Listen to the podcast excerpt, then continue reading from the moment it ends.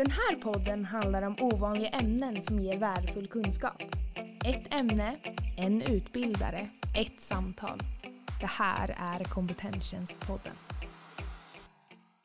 Motiverande samtal, en bra behandlingsmetod vid NPF. Och NPF står för neuropsykiatriska funktionsnedsättningar. Och vi har valt att titta på ADHD och autism. Så vad handlar då motiverande samtal om? Jo, man sätter patienten i fokus. Man låter patienten själv få utforska vad den vill och fatta egna beslut om vägen till förändring och förbättring i sitt liv. Vilka är då de här patienterna? Vi har valt ut två grupper, ADHD-gruppen. Och hur är det för dem? Vilka utmaningar möter de med sin diagnos?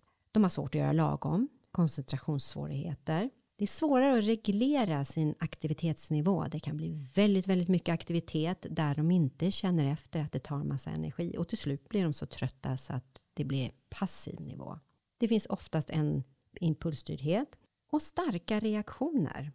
Men det är ju inte bara utmaningar utan det finns ju också tillgångar även i ADHD-diagnosen.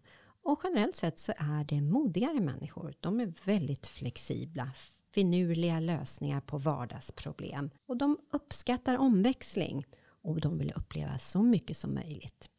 Vi har också tittat på autism och vad står man då inför för utmaningar? Ja, det är svårt med förändringar. Svårt att uppfatta situationer och man har inte riktigt kontroll på vad de utsätts för de bearbetar sina sinnesuttryck annorlunda. Och exempel på det kan vara om vi tänker oss att man bor i sitt hem, man vet var allting ligger, man har ett visst ljus, man har kontroll över sin yta.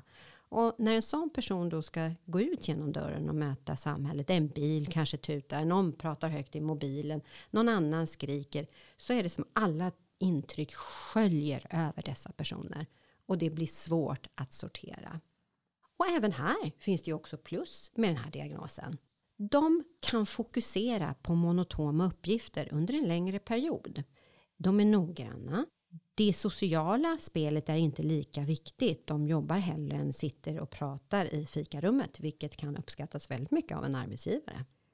Så det man har sett genom studier med just MI som behandlingsform är att det ger tillbaka kraften och makten till patienten att själv bli motiverad och själv hitta vägar till en förändring och ett lättare sätt att leva.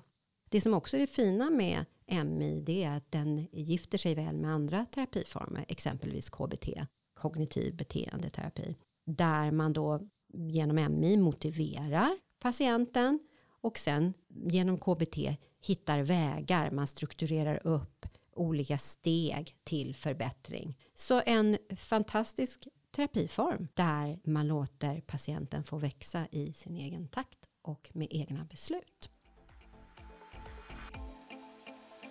Utgivare av denna podd är Kompetenstjänst. Ett utbildningsföretag som erbjuder utbildningar och föreläsningar för fortbildning inom offentlig sektor.